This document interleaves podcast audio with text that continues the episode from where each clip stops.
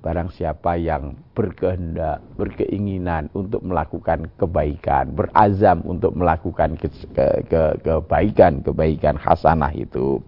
Kemudian falam yakmalha, tetapi dia belum sempat melakukannya, belum belum jadi melakukannya. Kata Allahu indahu hasanatan kamilatan gitu. Maka dia dicatat oleh Allah ya, ditulis di sisinya dengan kebaikan yang sempurna.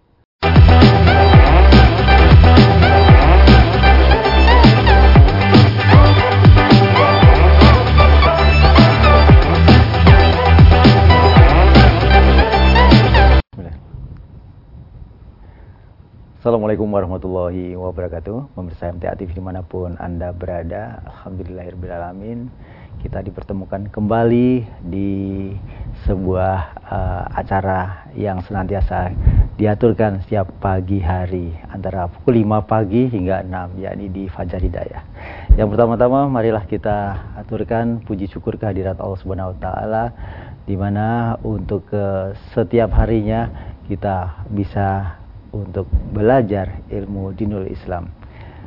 Salawat serta salam semoga tercurah kepada junjungan kita Rasulullah Muhammad Sallallahu Alaihi Wasallam beserta para keluarga, para sahabat dan para penegak sunnah-sunnahnya. Dan pagi hari ini di hari Selasa kita akan senantiasa dibimbing oleh insinyur, uh, Dr. Insinyur Didi Joko Susilo STMT IPM. Langsung saja kita sapa beliau. Assalamualaikum warahmatullahi wabarakatuh. Ustaz. Waalaikumsalam warahmatullahi wabarakatuh. Bagaimana kabarnya pagi hari ini? Alhamdulillah. Baik. Sehat ya? ya sehat alhamdulillah meskipun sedikit serak-serak. Serak-serak. ini sepertinya musim ya, banyak ya. sekali di mana-mana apalagi kalau kita subuhan atau sholat di masjid itu banyak yang batuk-batuk gitu. ya. Uh, Ustadz sebagai seorang muslim uh, kita masih ada di dunia ini memang satu kewajiban yang tidak bisa kita tinggalkan adalah uh, beramal soleh ya Ustadz ya. Betul. Nah uh, sebenarnya kriteria amal soleh hmm. dan hal-hal yang lain terkait dengan itu itu sebenarnya sebagaimana Ustaz? Ya, ya insya Allah. Jadi uh, memang kewajiban kita ya. Mm-hmm. Jadi kalau bahasa sederhananya, yeah. ketika Allah beri kesempatan hamba itu untuk hidup di dunia, mm-hmm. kita lihat maka nanti dia akan menjumpai namanya kesenangan, kesusahan. Mm. Nah hakikatnya kesenangan, kesusahan yang Allah berikan kepada hamba itu adalah uh, ladang bagi hamba itu untuk meraih amal soleh. Ah. Nah, seperti itu. Yeah, yeah. Jadi tidak ada uh, apa yang menimpa seorang hamba itu melainkan kalau dia meyakini bahwa dia pasti akan kembali kepada Allah, maka dia harus ubah itu hmm. menjadi satu bentuk amal soleh. Oh, menarik sekali. Ya. Baik, Bu Sari mana pun Anda berada, selama kita masih ada dunia, maka kita harus beramal soleh. Namun untuk lengkapnya kita akan ikuti mukadimah dari beliau. Silakan Ustaz. Baik. Bismillahirrahmanirrahim. Innalhamdalillah nahmaduhu wa nasta'inuhu wa nastaghfiruh wa na'udzubillahi min syururi anfusina wa min sayyiati a'malina may yahdihillahu fala mudhillalah wa may yudlil fala hadiyalah Asyhadu an la ilaha illallah wa asyhadu anna Muhammadan abduhu wa rasuluh. Allahumma salli wa sallim wa barik ala Muhammad wa ala alihi wa sahbihi ajmain. Amma ba. Kaum muslimin muslimat yang insyaallah dirahmati Allah Subhanahu wa taala, pemirsa MTA TV, pendengar radio Bersada FM, Alhamdulillah, puji syukur kita senantiasa panjatkan kehadirat Allah Subhanahu wa taala.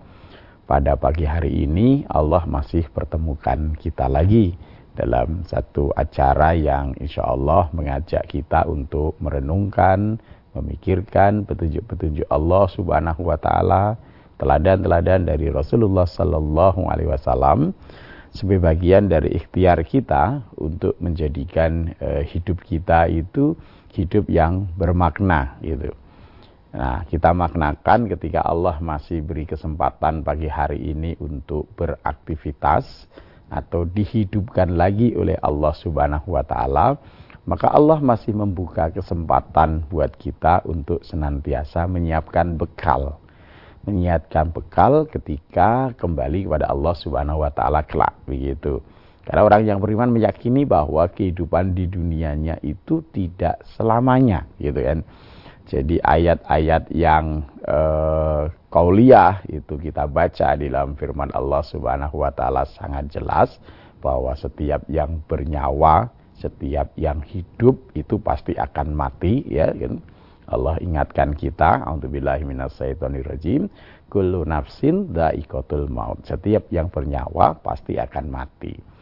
Ayat kauniyahnya kita juga bisa perhatikan, kita bisa renungkan berapa banyak orang yang dihidupkan oleh Allah Subhanahu wa taala di dunia ini siapa pun itu gitu kan mau rakyat jelata mau pembesar mau raja mau sultan mau orang miskin mau orang kaya mau orang bodoh mau orang berilmu semuanya pasti ada saatnya kembali kepada Allah Subhanahu wa taala meninggalkan dunia ini. Maka itu sudah menjadi mestinya bagi orang-orang yang berakal satu ketetapan yang sangat diyakini gitu. Nah, sekarang persoalannya adalah ketika kita meninggalkan dunia ini apa yang kita siapkan seperti itu. Apakah kita lalai terlena dengan kesenangan ya hawa nafsu yang kemudian kita e, beraktivitas dalam kehidupan di dunia ini e, dengan memperturutkan kesenangan-kesenangan kemauan-kemauan kita begitu. Lupa ya dengan apa yang Allah e, kabarkan e, apa yang Allah ingatkan untuk mempersiapkan e, bekal sangu ya untuk kembali pada Allah. Maka ketika kita e, mudah-mudahan termasuk orang yang senantiasa membaca Quran, memikirkan Quran termasuk pada pagi hari ini kita ingat firman Allah Subhanahu wa taala dalam Quran surat Al-Qasas ayat 77 Allah ingatkan di situ, ya ayyuhalladzina amanu taqullaha wal tangdur nafsum ma qaddamat ligot.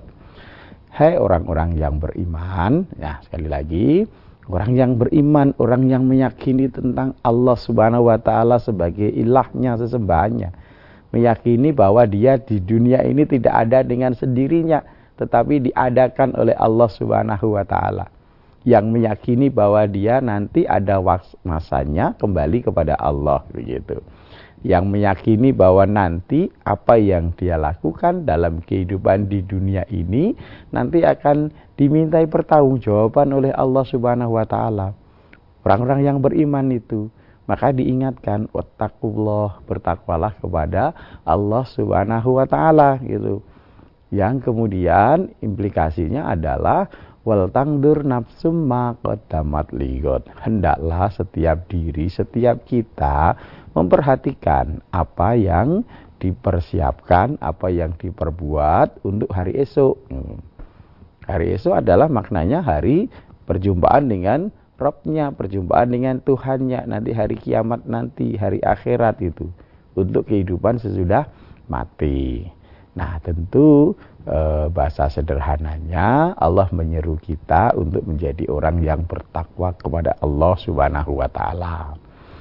Orang yang bertakwa tentu di sana ada komponennya keyakinan, keimanan kepada Allah Subhanahu wa taala, menjadikan Allah Subhanahu wa taala sebagai uh, robnya, sebagai ilahnya, sesembahannya, yang kemudian peribadatannya semuanya diserahkan untuk Allah semata, bukan untuk yang lain. Orang yang beriman tentu kemudian menjadikan utusan-utusan Allah bagi kita misalkan ya umat Islam Rasulullah Shallallahu Alaihi Wasallam sebagai teladan terbaik di dalam berbuat di dalam beramal seperti itu gitu maka aktivitas amal kita kita berusaha agar mengikuti apa yang Allah perintahkan, mengikuti apa yang Allah Rasulullah Sallallahu Alaihi Wasallam tunjukkan kepada kita itu. Nah, memperhatikan ini tentu kemudian kita ini akan berusaha bagaimana agar semua aktivitas yang kita lakukan yang berangkat dari kesadaran bahwa yang kita terima, yang kita peroleh ini adalah nikmat karunia dari Allah Subhanahu wa taala gitu. Jadi alhamdulillah kalau misalkan pada pagi hari ini para pemirsa NTA TV pendengar Radio Bersada FM sudah bisa bergabung dengan e, acara kita pada pagi hari ini maknanya hari ini kita masih diberi banyak nikmat oleh Allah Subhanahu wa taala. Dibangunkan lagi ini nikmat. Kemudian pendengaran, penglihatan masih berfungsi masih bisa mengikuti acara ini ya masih nikmat yaitu dari Allah Subhanahu wa taala. Belum lagi nikmat-nikmat lahiriah yang Allah masih berikan kepada kita. Ada lagi bangun pagi masih bisa menikmati ya secangkir teh hangat, kopi, ada yang ada snacknya dan seterusnya. Itu masih karunia nikmat yang Allah berikan kepada kita. Nah, maka kemudian kewajiban kita sebagai hamba untuk menjadikan nikmat-nikmat itu sebagai amal soleh nanti. Ya, jadi setelah kita mensyukuri, menyadari bahwa apa nikmat yang kita peroleh ini adalah karunia dari Allah Subhanahu wa taala gitu. Sebagaimana di pertemuan yang lalu sudah uh, salah satu kisah kita sampaikan tentang uh, Rasulullah uh, Nabi Muhammad uh, maaf Nabi Sulaiman alaihissalam ya ketika dengan segala nikmat yang Allah berikan kepada beliau beliau tetap berdoa mohon kepada Allah ya dengan segala uh, kekayaan ilmu kekuasaan tidak menjadikan beliau kemudian takabur sombong begitu. Tetapi ingat itu hada min fadli robbi ini karunia dari uh, Robku Tuhanku liap luani untuk menguji aku. Bahkan disadari itu sebagai bagian dari uh, ujian ya asku uh, askur au am akfur. Apakah aku bersyukur atau malah sebaliknya kufur? Begitu gitu kan. Maka kemudian beliau berdoa Robbi auzini an askuro nikmatakallati an amta alayya wa ala walidayya gitu. Wa an amala solihan tardohu Ya Robku, ya berilah ilham agar aku bisa senantiasa mensyukuri nikmat yang kau anugerahkan kepadaku dan kepada kedua orang tuaku gitu. Ya, yang kemudian nikmat itu uh, wa an amalas solihan tardohu. Jadi nikmat itu kemudian menjadi amal soleh yang engkau ridhoi begitu. Nah, maka kita pun juga mudah-mudahan bisa demikian ketika kita sadari bahwa kita ini masih memperoleh sedemikian banyak nikmat yang Allah karuniakan kepada kita, maka kemudian ayo uh, kita berazam agar nikmat itu menjadi amal soleh. Aktivitas yang akan kita lakukan kita mulai dari niat, kehendak, kemauan untuk berbuat baik, beramal soleh gitu ya. Menjadikan diri kita itu nanti uh, apa ya cita-cita harapan. Misalkan hari ini saya masih bangun, hari ini saya masih mendapat nikmat karunia Allah Subhanahu wa taala maka hari ini hidup saya akan saya isi dengan kebaikan-kebaikan. Hidup saya akan saya isi dengan eh, petunjuk-petunjuk uh, mengikuti petunjuk-petunjuk Allah Subhanahu wa taala, meninggalkan hal-hal yang dilarang oleh Allah Subhanahu wa taala. Nah, azam niat untuk melakukan kebaikan-kebaikan itu penting mulai sejak awal kita tanamkan pada diri kita tanamkan kepada keluarga kita. Jadi begitu berpagi-pagi kita ini diberi kesempatan oleh Allah hidup itu udah mulai ini harus kita uh, apa ya azamkan kita uh, tumbuhkan niat hari ini saya nanti mau beramal soleh gitu. Segala aktivitas saya akan saya bawa kepada jalan-jalan kebaikan gitu saya akan tinggalkan mungkin kemarin ada satu hal yang buruk, satu hal yang salah, satu hal yang keliru yang kemarin mungkin saya lakukan, sekarang mulai saya tinggalkan itu.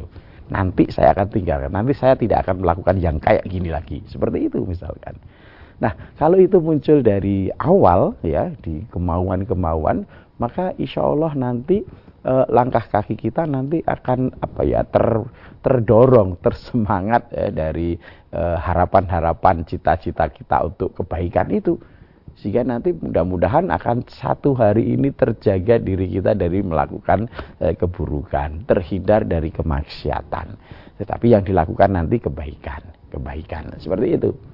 Nah ini oleh Allah Subhanahu Wa Taala, Insya Allah juga diberi satu nilai kebaikan ya kalau kita mulai dari start ya ternyata mulai dari awal kita mau berkehendak itu oleh Allah Subhanahu Wa Taala sudah diberi nilai kebaikan ini kemurahan yang luar biasa dari Allah Subhanahu Wa Taala. Dalam sebuah hadis yang diriwayatkan dari Ibnu Abbas uh, radhiyallahu an bahwa Rasulullah Shallallahu Alaihi Wasallam pernah uh, bersabda begitu ya. uh, beliau menceritakan tentang uh, Allah Subhanahu wa taala begitu. Ini hadis diriwayatkan oleh Imam Bukhari dan Muslim ya. Innallaha katabal hasanata wasayyi'at. Tsumma bayyana dzalika fi kitabih. Faman hamma bihasanatin falam ya'malha kataballahu indahu hasanatan kamilatan. Fa in hamma biha fa'amilaha kataballahu indahu asro hasanatin. Ila sab'i mi'ati dikfin. Ila at'afa kasiro. Waman hamma bisayyatin falam ya'malha katabahu katabahallahu indahu hasanatan kamilatan. Fa in huwa hamma biha fa amilaha kataballahu lahu syai'atan wahidatan. Ya.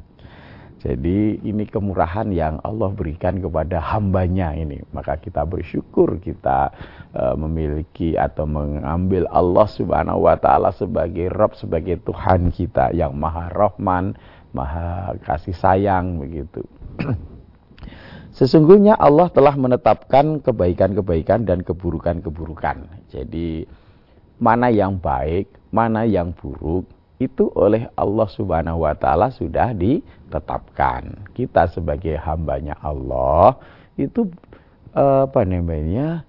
Eh, sudah tidak eh, apa harus untuk me, ini baik, ini buruk, mana enggak gitu loh oleh Allah Subhanahu wa taala itu sudah ditetapkan summa bayana dzalika fi kitabihi.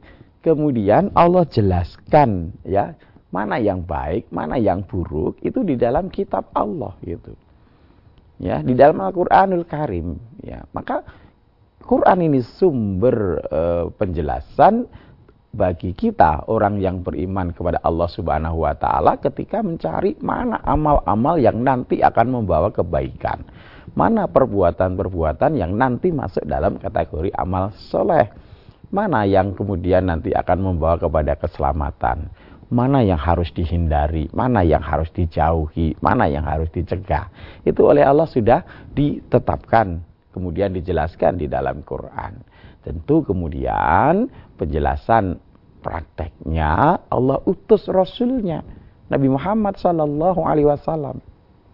Sehingga ketika kemudian ada orang bertanya, ya bagaimana akhlak Rasulullah?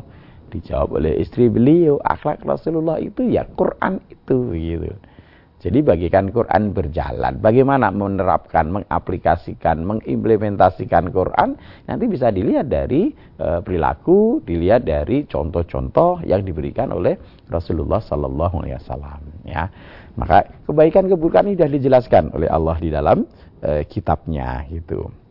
Maka kemudian e, barang siapa ingin berbuat kebaikan, ya, e, jadi Allah memberi gambaran ini ya Faman hama bihasanatin barang siapa yang berkehendak, berkeinginan untuk melakukan kebaikan, berazam untuk melakukan ke, ke, ke, kebaikan, kebaikan hasanah itu. Kemudian falam yakmalha, tetapi dia belum sempat melakukannya, belum belum jadi melakukannya. Kata Allahu indahu hasanatan kamilatan. Gitu maka dia dicatat oleh Allah ya ditulis di sisinya dengan kebaikan yang sempurna. Jadi kehendak-kehendak, kemauan-kemauan ya inisiasi-inisiasi untuk melakukan kebaikan ini sudah merupakan satu kebaikan yang dicatat oleh Allah sebagai satu amal di sisi Allah Subhanahu wa taala begitu. Jadi kehendak kemauan jadi pada pagi hari ini kita sudah mereng-reng ya, merancang hari ini saya nanti mau begini, mau begini yang semuanya adalah hasanat, kebaikan, maka oleh Allah sudah dicatat sebagai satu kebaikan yang sempurna ya. Nah, kemudian jika dia ingin lalu melakukannya, ya jadi pagi hari ini kita bisa punya reng-rengan ini amal yang kita lakukan. Nah, kemudian misalkan nanti saya akan mampir ke uh, si fulan, saya akan uh, apa namanya kunjungi si fulan, kemudian uh, ada sesuatu yang saya ingin berbuat baik kepadanya, misalkan seperti itu. Kemudian dilakukannya ya, dilakukannya. Maka Allah menulisnya di sisinya 10 kebaikan sampai 700 kali lipat sampai berlipat-lipat banyaknya gitu. Ketika kemudian harapan kemauannya tadi diwujudkan dia berangkat benar begitu dia betul-betul lakukan kebaikan itu dengan mengharap keriduan Allah maka Allah beri dia dengan balasan 10 kali lipat, bahkan 700 kali lipat, bahkan sampai berlipat-lipat banyaknya. Itu nikmat yang luar biasa yang Allah berikan, yang menghasung kita untuk e, mari ayo lakukan isi hidup kita dengan amal-amal soleh, amal-amal kebaikan yang pertemuan-pertemuan yang lalu saya sampaikan, amal kebaikan itu bisa kita lakukan tidak mesti dengan harta kita. Bisa dengan tenaga kita, dengan segala nikmat yang Allah berikan kepada kita, dengan lesan kita, ucapan kita, ya, ucapan yang lembut, ucapan yang baik, ya, wajah yang manis, menunjukkan jalan kepada orang yang bertanya dan seterusnya, menyingkirkan gangguan dari jalan dan seterusnya. Ya, itu satu kebaikan-kebaikan yang kalau mestinya dimulai dari tadi hamba, kemauan, ya, keinginan gitu. Kemudian wujudkan, maka kebaikan yang luar biasa banyak uh, Allah berikan kepada kita, ya. Kemudian sebaliknya, kalau seorang hamba ya uh, waman hamma bisaizi apin. Nah, orang yang ada nih kadang-kadang pagi hari ini niatnya kurang baik gitu. Niatnya kurang baik jelek niatnya amal uh, keburukan begitu. Dan sebaliknya barang siapa yang ingin berbuat buruk ya jadi ada ini mau uh, karena terdorong oleh hawa nafsu dikuasai hawa nafsu sehingga kemudian hari ini nanti mau melakukan sesuatu yang buruk begitu nah maka pada kesempatan pagi hari ini ayo direnungkan sejenak gitu kan ya Kok saya mau melakukan perbuatan kayak gitu? gitu Ayo dipikirkan, direnungkan apa untungnya buat saya. Bagaimana nanti ketika saya kembali kepada Allah Subhanahu wa taala begitu. Kalau kemudian eh, amal saya diliputi oleh buruk-buruk buruk-buruk maksiat maksiat maksiat begitu gitu kan. Nah, ketika itu ada maka kemudian eh, dan barang siapa yang ingin berbuat buruk dan dia tidak melaksanakannya. Gitu, gitu ketika kemudian kita eh, berhenti sejenak sebelum melakukan itu kemudian tertahan pada diri kita kesadaran ah kenapa saya harus lakukan itu? Apa manfaatnya? Apa gunanya? Begitu. Perbuatan itu nggak ada manfaatnya malah bahkan merugikan saya nah maka kemudian tidak jadi dilaksanakan nah ketika tidak jadi dilaksanakan ya eh, maka dia dicatat satu kebaikan ya. Barang siapa berbuat buruk tidak melaksanakannya maka Allah menulis di sisinya sebagai kebaikan yang sempurna itu ya. Nah, tapi kalau kemudian jika dia melakukannya maka Allah menulisnya dengan satu keburukan itu. Jadi kalau kebaikan tadi dilakukan, Allah catat itu dengan 10, 700 bahkan berlipat-lipat, maka kalau yang kita lakukan bukan amal soleh, tapi malah amal buruk, Allah catat sebagai satu keburukan. Ini maknanya apa? Maknanya Allah pingin kita ini melakukan amal-amal soleh, amal-amal kebaikan terus begitu. Gitu. Maknanya Allah ingin bawa kita ke Darussalam, jalan uh, kampung keselamatan, ke janahnya Allah. Allah kehendaki, Allah inginkan hambanya ini, umat kita, kita semuanya ini senantiasa berada dalam kebaikan, dimasukkan ke janahnya Allah. Kenapa? Satu kebaikan, bahkan niat saja sudah dicatat kebaikan. Maka kemudian uh, ketika dilaksanakan 10 sampai 700 sampai berlipat-lipat. Sedangkan kalau buruk satu Nah bagaimana kok yang satu ini bisa mengalahkan tadi 10, 700 yang berlipat-lipat? Artinya diri kita terlalu banyak melakukan maksiatnya. Maka pada saat kita dibangunkan lagi oleh Allah ini, mari azamkan kebaikan-kebaikan yang akan kita lakukan. Dari azam itu kemudian wujudkan insya Allah nanti senantiasa diri kita dihiasi dengan amal-amal soleh yang menjadi bekal kita kembali pada Allah Subhanahu wa Ta'ala. Demikian, mudah-mudahan bermanfaat untuk kita bersama. Dan pemirsa di mana pun Anda berada, kami juga akan membuka kesempatan bagi Anda yang ingin bertanya terkait dengan materi yang sudah disampaikan, yakni amal soleh. Silakan telepon di 0216793.000, SMS WA ada di 08112553000. Kita ikuti namun setelah jeda pari, pariwara berikut ini. Baik pemirsa di mana pun Anda berada, kembali lagi di acara Fajar Hidayah pagi hari ini. Langsung saja, kesempatan pertama kami buka untuk telepon di 02716793000 terkait dengan amal soleh yang tadi sudah disampaikan Ustaz Didi. Assalamualaikum warahmatullahi wabarakatuh. Ya, bisa diulang ya. Uh, 02716793000 Halo, Assalamualaikum.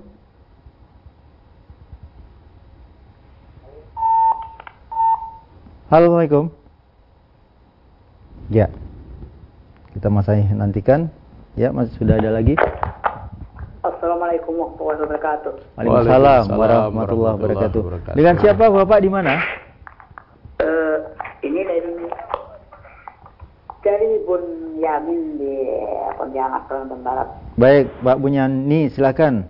Bukan Bun Yamin. Oh, Bunyamin. Netanyahu. Ya. Hmm, ya, Ya, silakan Pak Bunyamin. Jadi ini e, bahasanya dari luar tema ya. Oh, ya, silakan. Jadi begini. Ini, saya kakak saya itu kan ada menantunya itu kan.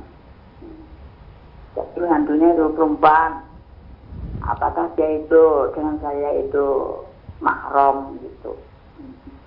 Itu aja untuk pertanyaannya hari ini. Bung Bila Seradi ya? Bung Bila Seradi ya. Bung ini Bung Bila Seradi ya? Apa? Kurang jelas Bapak. Begini ini kan saya nanya. Ya. Ibu ini eh, kakak saya kan punya punya menantu hmm. Jadi dia punya menantu. Ah. apakah menantunya itu uh, mahrom kakak kakak ya. soalnya dia perempuan. Hmm, kakak perempuan ya. ini Bung Bila Surati ya ya J J. Ah, ya. ini Bung ah ya ya. Itu aja. Assalamualaikum warahmatullahi wabarakatuh Waalaikumsalam warahmatullahi wabarakatuh. J. Jadi untuk menantu dan mertua itu uh, mahram ya haram untuk uh, nikahi ya uh, jadi e, misalkan saya punya anak itu, anak laki-laki, kemudian anak laki saya menikah dengan perempuan gitu kan. Nah, perempuan itu dengan saya makrom begitu. Tidak boleh saya e, menikahi e, anak e, mantu saya begitu. Demikian juga e, menantu dengan mertuanya gitu. Itu juga e, e, makrom berarti seperti itu Ibu. Jadi Uh, tadi yang ditanyakan kan kakaknya punya menantu begitu. Nah, tetapi menantu kakaknya dengan adiknya e, mertua itu berarti misalkan saya punya kakak, kemudian kakak saya punya menantu, menantu itu dengan saya tidak makrom seperti itu gitu. Jadi makromnya dengan e, mertua dan menantu itu ya. Jadi kita tidak boleh menikahi wanita-wanita yang dinikahi oleh anak kita seperti itu ibu ya atau bapak tadi ya. Ya. Demikian ya Pak Benyamin. Baik, kita buka lagi kesempatan berikutnya. Halo, Assalamualaikum warahmatullahi wabarakatuh. Halo, Assalamualaikum. Halo, Assalamualaikum. Ya. Waalaikumsalam warahmatullahi wabarakatuh. Ya, dengan siapa di mana? Waalaikumsalam warahmatullahi wabarakatuh. Ya, dengan siapa di mana? Dari hamba Allah di Sumatera. Sumatera mana? Nanya Pak Adi. Ya, silakan. Halo? Ya, silakan Ibu. Iya. Nah, kami kan sudah tua. Udah di luar tema maaf ya Pak Adi.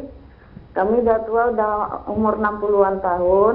Kami udah menopause sejak umur 40-an tahun. Jadi kalau tidak bisa melayani suami karena sakitnya gitu, apa saya berdosa? Sementara suami memang nggak minta dilayani begitu Ustaz. Iya, begitu Atas saja. Jawabannya terima ya. kasih Ustaz. Ya. Assalamualaikum warahmatullahi wabarakatuh. Waalaikumsalam warahmatullahi wabarakatuh. ya kalau suaminya tidak minta dilayani ya tidak apa-apa ibu gitu kan ya.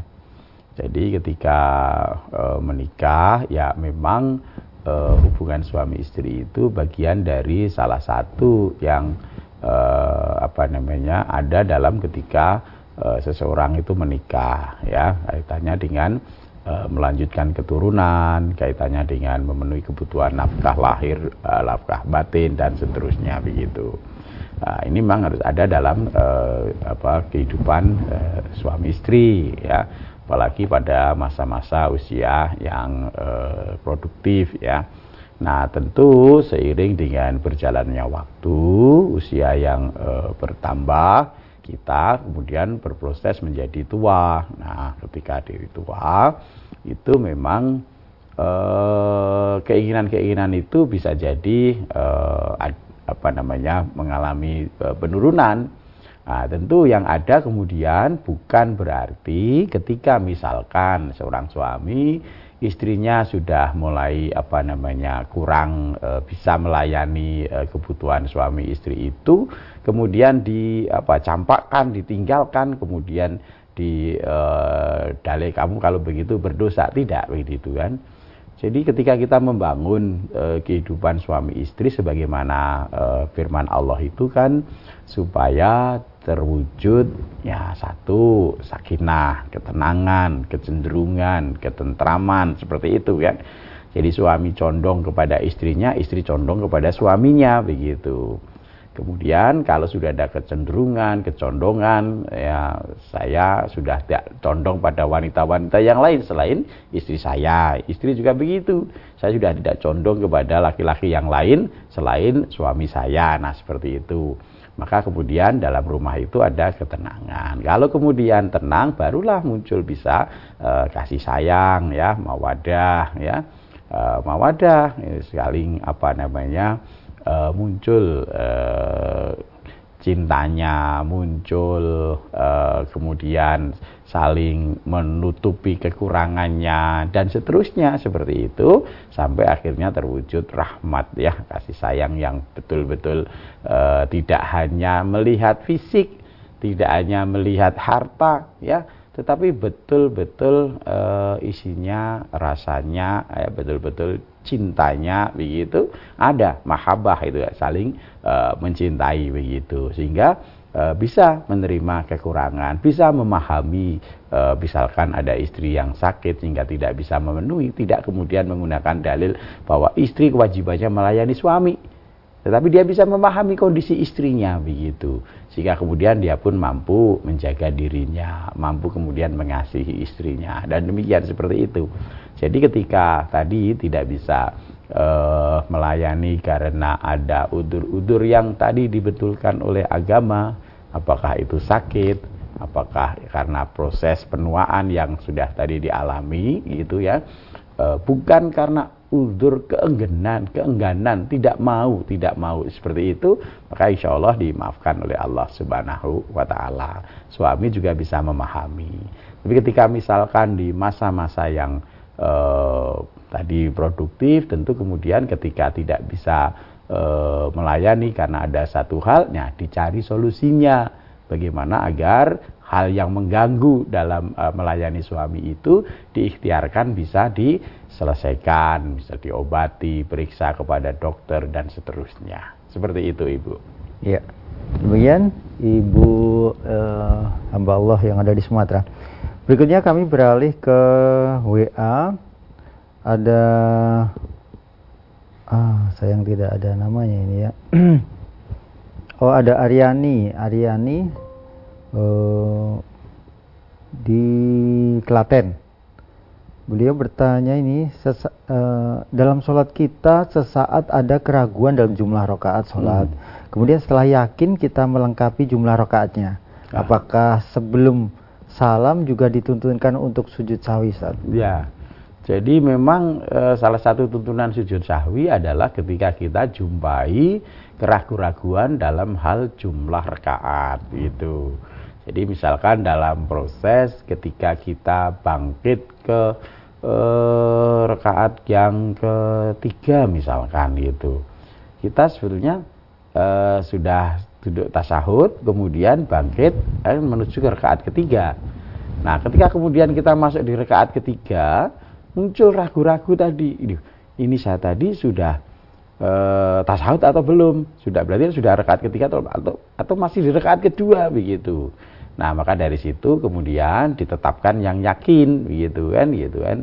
Misalkan tadi kemudian menetapkan oh yakin saya sudah uh, duduk tasahud berarti sudah dua berarti ini saya ketiga uh, tiga kemudian uh, ini misalkan ini sholat yang empat rakaat ya uh, kemudian di rakaat keempat itu nanti sebelum uh, salam sujud uh, dua rakaat seperti itu itu memang sujud sahwi itu untuk seperti itu. Jadi kalau ragu-ragu tentang jumlah rakaat eh, nanti ditetapkan dalam ketika masih dalam proses sholat itu kemudian eh, kita sudah bisa menetapkan ya nanti eh, sebelum salam sujud eh, sahwinya.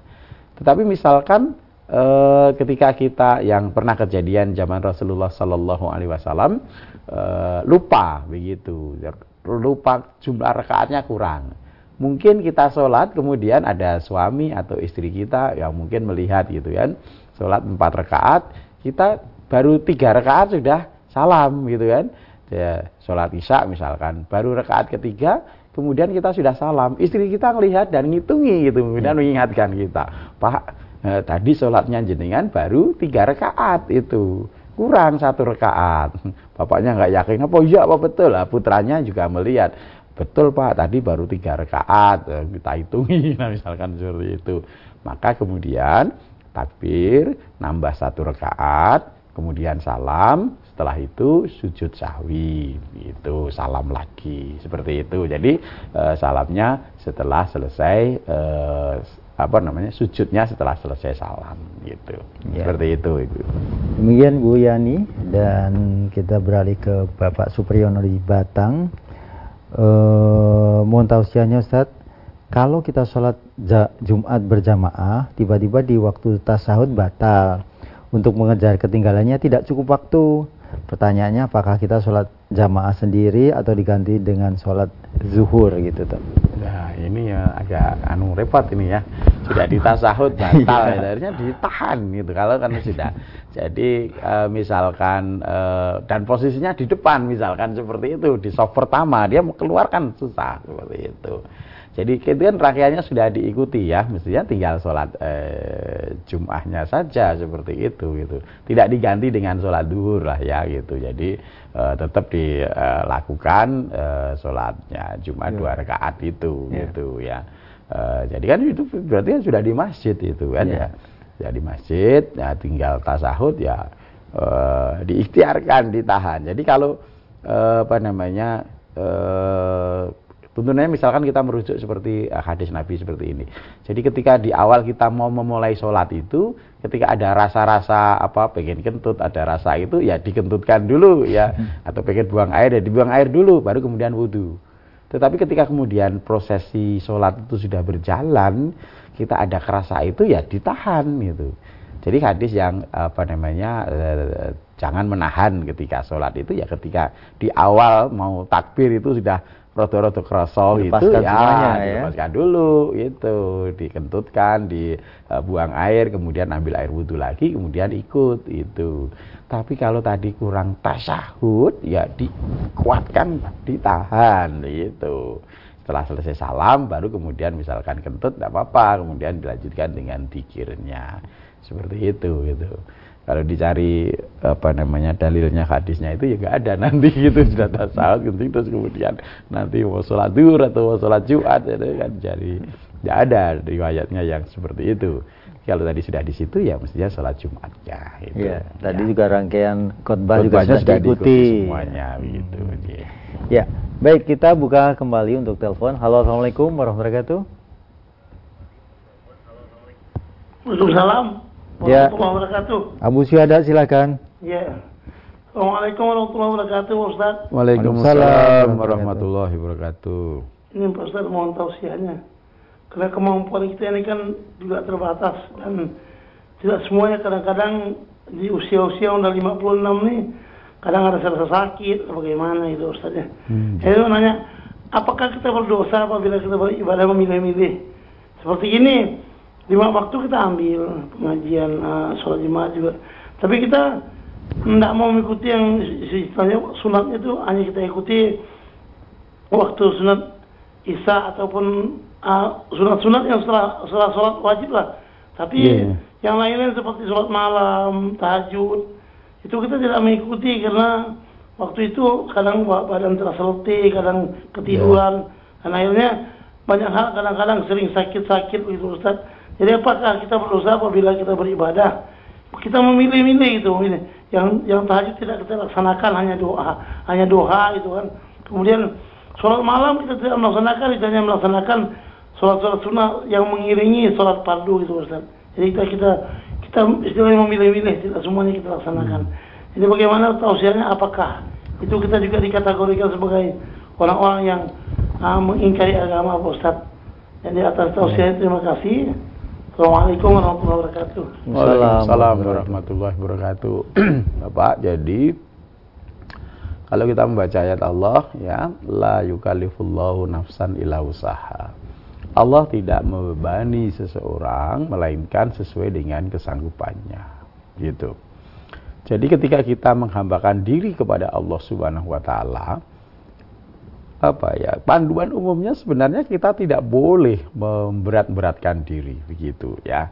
Jadi contoh misalkan eh, dalam riwayat ketika ada seseorang yang saking pengennya sholat malam terus begitu sehingga kemudian dia menggantungkan talinya gitu. Gantungkan tali eh, kemudian ketika Rasulullah eh, masuk ke masjid itu ini tali apa? begitu oh talinya si fulanah begitu. Yang ditalikan ke badannya kalau pas sholat malam kalau ngantuk biar biar terjaga lagi begitu. Maka kemudian Rasulullah Sallallahu Wasallam itu perintahkan untuk diambil talinya. Nggak boleh. Kalau sholat malam kalau ngantuk ya tidur gitu. Tidur dulu baru kemudian eh, sholat. Nah, ibadah-ibadah kita itu sebenarnya kalau kita perhatikan, insya Allah Semuanya itu kalau kita lakukan dengan kondisi yang mohon maaf ya bahasa sederhananya normal saja itu insya Allah semuanya nyaman gitu loh. Tidak ada misalkan sampai Allah memberi kita e, masa kalau sudah mulai masuk masa pikun baru kemudian atau sakit baru kemudian ada satu hal yang e, menjadi tidak bisa kita lakukan. Tetapi ketika di masa kita mulai terkena beban kemudian sampai kemudian usia yang Allah berikan kepada kita sebelum e, mengalami pikun dan seterusnya maka ibadah-ibadah itu insya Allah bisa kita lakukan.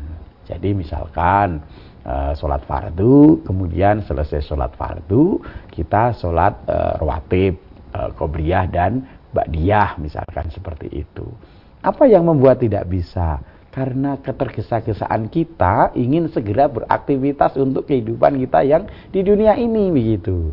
Padahal kalau kita hitung misalkan sholat kita satu rakaat itu berapa menit gitu kan?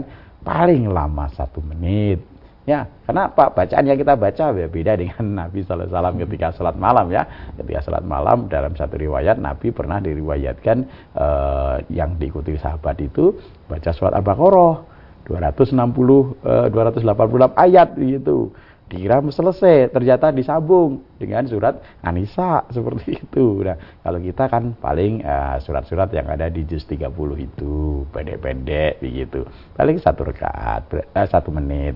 Jadi kalau empat rakaat ya paling empat menit. Kalau kita kemudian tambah uh, dikir tambah uh, sholat rawatib itu paling berapa menit. Nah, ini supaya tidak jadi kelihatan berat kalau kita sejak awal membangun kebiasaan itu, Bapak. Kalau sejak awal kita biasakan diri kita, kalau sholat fardu iringi sholat rawatib. Demikian juga sholat tahajud. Sholat tahajud, sholat malam, memang sekilas terasa berat begitu. Tetapi ketika kita kemudian melatih diri kita satu dari azam yang kuat bahwa saya nanti malam akan sholat tahajud begitu. Saya nanti malam akan sholat tahajud. Kemudian tentu diiringi ikhtiar. Kalau kita cita-citanya nanti malam sholat tahajud, jangan tidurnya jam setengah 12, jam 12 baru tidur. Nanti mungkin ya jelas lewat tahajudnya, bahkan mungkin subuhnya lewat. Tetapi misalkan jam 9, maksimal jam 10 sudah tidur. Kalau itu kita lakukan, maka insya Allah nanti di jam 3, setengah 4 itu sudah bangun. Sudah bangun di sepertiga malam yang akhir, ada waktu kita untuk datang kepada Allah, sholat tahajud. Sholat sunnah yang paling utama setelah sholat fardu tentu adalah sholat e, malam, sholat tahajud, kata Rasulullah seperti itu. sholat di waktu orang lain nyaman tidur, tetapi kita bangun untuk datang kepada Allah Subhanahu wa taala. Yang dalam hadis qudsi dikatakan di sepertiga malam yang akhir Allah turun ke langit dunia memperhatikan hambanya, mana hamba yang bangun mengingat Allah, memohon ampun, diampuni oleh Allah. Berdoa mohon kepada Allah dikabulkan oleh Allah Subhanahu wa taala. Maka itu berusaha untuk kita raih, kita istiqomah berazam, semangat, kemauan-kemauan terus tadi seperti di hadis awal yang saya sampaikan. Jadi setiap kita akan tidur, azamkan, harapkan saya nanti malam akan bangun untuk sholat tahajud gitu. Nah, ketika itu kemudian menjadi kebiasaan sholat rawatib, sholat tahajud atau puasa sunnah dan seterusnya, ketika itu sudah menjadi kebiasaan oleh Allah pada saat kita mengalami udur tidak bisa melakukan itu, apakah karena safar, apakah karena sakit, maka oleh Allah dicatat kebaikan-kebaikan itu, tetap diberikan kepada kita. Berarti intinya bagaimana? Intinya kita membiasakan diri dulu di dalam kebaikan-kebaikan, di dalam uh, aturan atau amal-amal soleh yang Allah dan Rasulnya anjurkan kepada kita gitu. Memang pokok Bapak kaitannya misalkan contoh dengan sholat. Kewajiban yang Allah berikan kepada kita sholat fardu. Lima waktu satu hari satu malam. Subuh duhur asar maghrib isya itu tetapi sholat-sholat sunnah ini adalah usaha kita agar kita bisa meraih cintanya Allah subhanahu wa ta'ala. Dari tadi awal sekedar menjalankan kewajiban karena kewajiban tidak dijalankan kita berdosa tetapi ketika kita meraih yang lebih tinggi dari itu, kita berusaha raih cintanya Allah Subhanahu wa taala dengan amal-amal sunnah tadi, Bapak. Kira demikian mudah-mudahan bisa memotivasi kita bersama Bapak ya. Baik. Terima kasih Ustadz dan pagi hari ini kita uh, sudah ikuti bersama sajian Fajar Hidayah ini bersama Ustadz Didi Joko Susilo dan uh, kami ucapkan selamat menjalankan aktivitas seperti biasanya Ustadz dan Salam. semoga sehat selalu bersama amin, keluarga. Amin, ya. Pemirsa demikian tadi sajian Fajar Hidayah untuk pagi hari ini. Mohon maaf atas segala kesalahan. Alhamdulillahirabbil alamin. Subhanakallahumma wa bihamdika asyhadu alla ilaha illa anta astaghfiruka wa atubu ilaik. Bila taufiq wal hidayah.